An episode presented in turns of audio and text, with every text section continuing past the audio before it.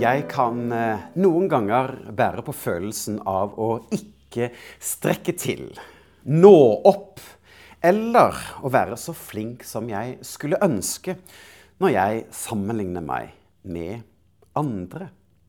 For til tider så kan jeg bære på følelsen av utilstrekkelighet.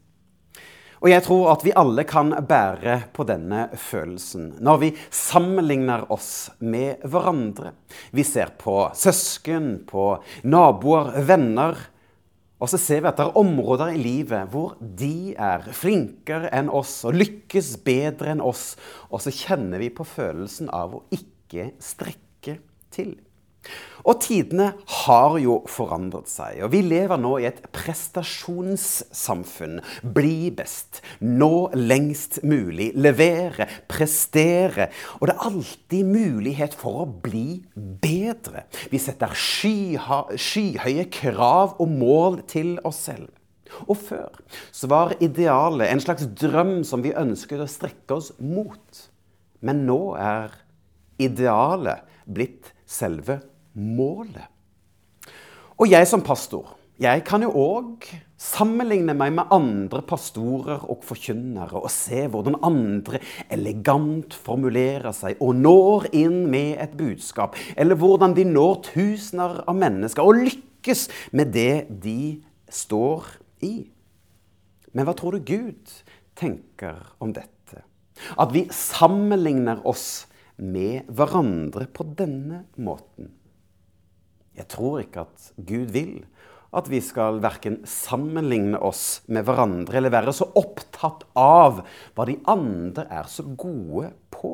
Men at vi heller er mer opptatt av Gud og hvilke gaver Han har gitt oss. Hvilke muligheter vi har, men òg være bevisst på våre feil og mangler. For de er gitt med en hensikt.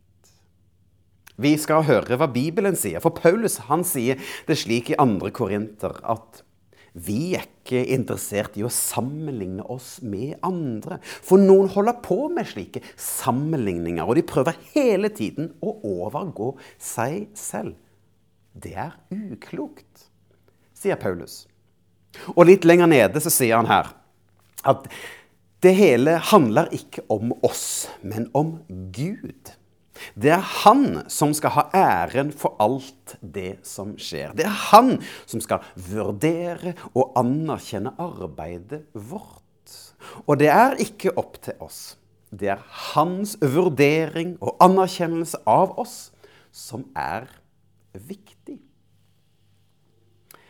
Men det er ikke bare på dette mellommenneskelige planet som vi sammenligner oss med hverandre.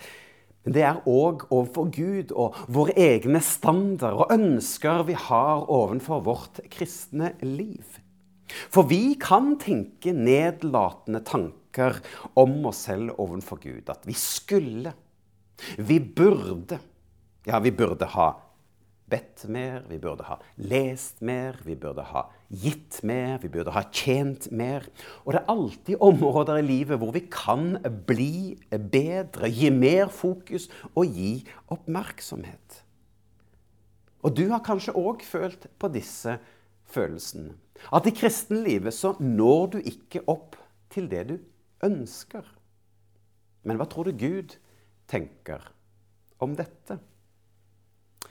Jeg tror det er viktig å lytte til eh, de riktige stemmene. Ja, for noen stemmer sier at eh, vi burde slanke oss mer. og Noen stemmer sier at vi burde trene mer. Og så fins det mange ulike stemmer. Men òg som kristen så kan det noen ganger føles som at det legges til en byrde eller to. At man burde ha gått mer på gudstjeneste. Man burde, man skulle. Og så blir dette et mas og et jag. Men jeg tror at Gud ønsker å si til deg at du er god nok. For vi klarer aldri å tilfredsstille Gud med våre bønner eller bibellesning eller gudstjenesteoppmøte. Hans standard er så mye høyere. Vi klarer ikke nå opp. Og derfor har jeg kalt denne preken for God nok? Bibelen den er full av historier om vanlige, ordinære mennesker som meg og deg, med styrker og talenter, med svakheter og feil. Og jeg har lyst til å løfte opp eh, noen mennesker fra Bibelen som nettopp har feil og mangler. Og nettopp for å vise deg at Gud kan bruke alle mennesker. For det Gud ønsker, det er et villig hjerte. For Bibelen sier at 'han skal du tjene med et helt hjerte og en villig sjel'. Og Bibelen sier òg at mennesket ser til det ytre, men Herren ser til hjertet. Så la oss i dag få lov til å høre 15 korte historier om mennesker i Bibelen som Gud ville bruke selv om. Ja, selv om. Så den første, det er Abraham. Abraham han var en gammel mann, og han tvilte på at Gud hadde sagt at det kom til å skje, at han skulle få en sønn. Og Derfor så fikk han en sønn med fikk han en uekte sønn med slavepiken Hagar. Likevel så ga Gud ham det han hadde lovet. For Abraham var 99 år gammel da han ble pappa til denne lovede sønnen til Isak. Abraham han tvilte på at Guds ord sto fast. Men likevel er det håp. Jakob han var barnebarn av Abraham. og Han var en luring, og flere ganger så lurte han sin bror, han lurte sin far. Han var en bedrager. Og Dette ordet Jakob kan òg bety en som lurer og snyter. Ja, for han lurte sin bror til å gi fra seg førstefødselsretten. Han stjal velsignelsen fra sin far, som egentlig skulle gå til broren Esau. Men likevel så velsignet Gud Jakob til å bli stamfar for Guds folk. Og Gud sa, i deg og din ett skal alle slekter på jorden velsignes. Jakob han lurte og han jukset, men likevel er det håp. Moses ja, han hadde problemer med å uttrykke seg, men òg at han drepte en egyptisk soldat. Han rømte med halen mellom beina, og i 40 år så levde han i skjul som sauegjeter. Men likevel så ønsket Gud at Moses skulle lede folket ut av slaveri, ut av fangenskap, inn i dette lovede land Kanan. Moses, en morder, men likevel er det håp. Gideon ja, han var en fattig og en eh, usikker bonde. Han manglet selvtillit, og han trodde ikke at han kom til å klare å lede folket. Og han var preget av det som vi i dag kaller for janteloven. Men likevel så ble Gideon en dommer og en leder i Israel, og ledet israelittene i sin kamp mot fienden. Med 300 menn så overvant han fienden, altså midjanittene. Gideon, en usikker og en motvillig leder. Likevel er det håp.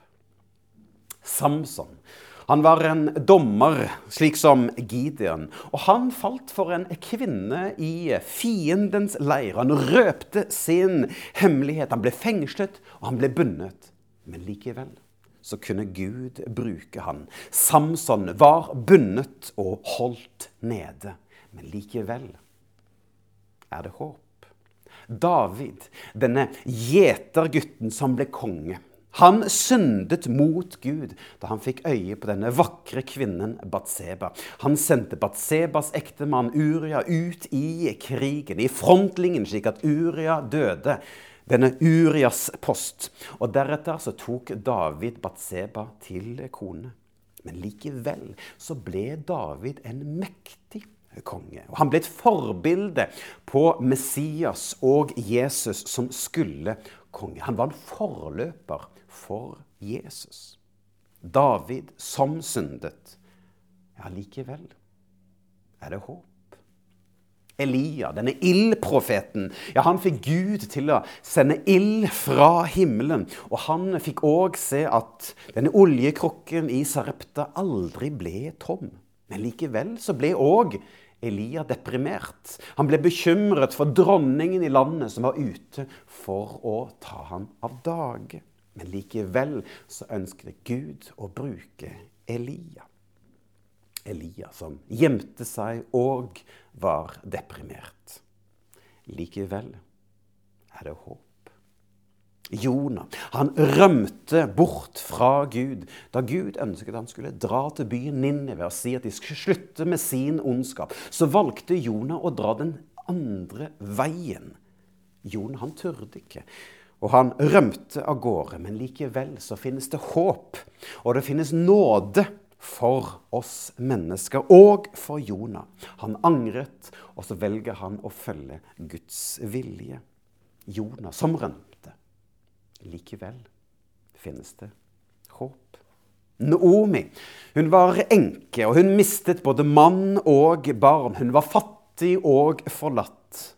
Men likevel så sørget Gud for henne. Selv om hun byttet navn fra Naomi til Mara, som betyr bitter, så velger Gud at hun skal få en helt spesiell oppgave.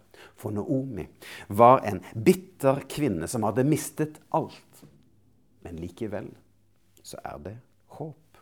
Peter fra Det nye testamentet. Fiskeren som ble menneskefisker. Peter ble lederen i disippelflokken. Trolig så var han både frampå, hissig og energisk. Og han fulgte Jesus tett i tre år. Og da presset ble for stort, så ga han etter. For Peter, han fornektet, og han bannet faktisk på at han, kjente, at han ikke kjente Jesus. Men likevel så ble Peter leder for disippelflokken og lederen i den første kirke. Peter som fornektet. Ja, likevel er det håp. Martha som bodde i Betania, hun var stresset og bekymret. Og hun hadde ikke tid til å sette seg ned, slik som Maria ved Jesu føtter, og lytte til hva mesteren hadde å si. Hun var mer opptatt av å stelle i stand og ordne og tjene og selv om Jesus verdsatte Marias interesse, så forble Martha en nær venn av Jesus. Så Martha, som var for opptatt av å gjøre, likevel finnes det håp. Sakkeus, denne kortvokste tolleren, han var upopulær siden han arbeidet på vegne av den romerske okkupantmakten. Og Et vanlig uttrykk på den tiden var toller og syndere. Ja, Sakkeus ble sett ned på, men likevel så inviterte Jesus seg hjem til Sakkeus. Sakkeus. Upopulær, men likevel er det eller Paulus, han som forfulgte og fengslet de kristne. Og han var også til stede og bekreftet at Stefanus, den første kristne martyr, ble drept. Men likevel så valgte Gud denne mannen Paulus til å være med å dele evangeliet rundt i Lille Asia. Tok evangeliet til Europa. Og han fikk være med å etablere menigheter og forsamlinger rundt om i store områder i Lille Asia. Paulus en forfølger av de kristne. Likevel så er det håp. Ja, dette er et utvalg av en rekke mennesker vi leser om i Bibelen. For de hadde hver sin utfordring eller feil eller mangler, som jeg håper kan være med å gi deg mot og styrke der hvor du er i dag. Selv om din situasjon kan være krevende eller utfordrende så skal du vite at Gud er mer interessert i ditt hjerte. At du har et villig hjerte til å si 'Jesus, her er jeg. Send meg'. Jeg håper at du òg kan få lov til å oppdage det i ditt liv. Og si 'Ja, Herre, bruk meg'. La din vilje skje i mitt liv og gjennom meg. God nok? Nei, god nok. Ja, for jeg vil at du ikke skal stille spørsmål med om at du er god nok, men heller at du kan fylle deg med tankene om at du er god nok ovenfor Gud. For Gud, han elsker deg med en uendelig stor kjærlighet. Og han ber deg om å tjene ham med et villig hjerte der hvor du er. I ditt hjem, på din arbeidsplass, blant dine medstudenter eller medelever, i din kirke eller hvor du enn er. Et villig hjerte til å elske Gud, men òg til å elske hverandre. Han er mer opptatt av din villighet enn at du skal lykkes, enn at du skal få det til. Men at du skal lykkes i hans øyne, og ikke nødvendigvis i menneskers øyne. Du er god nok.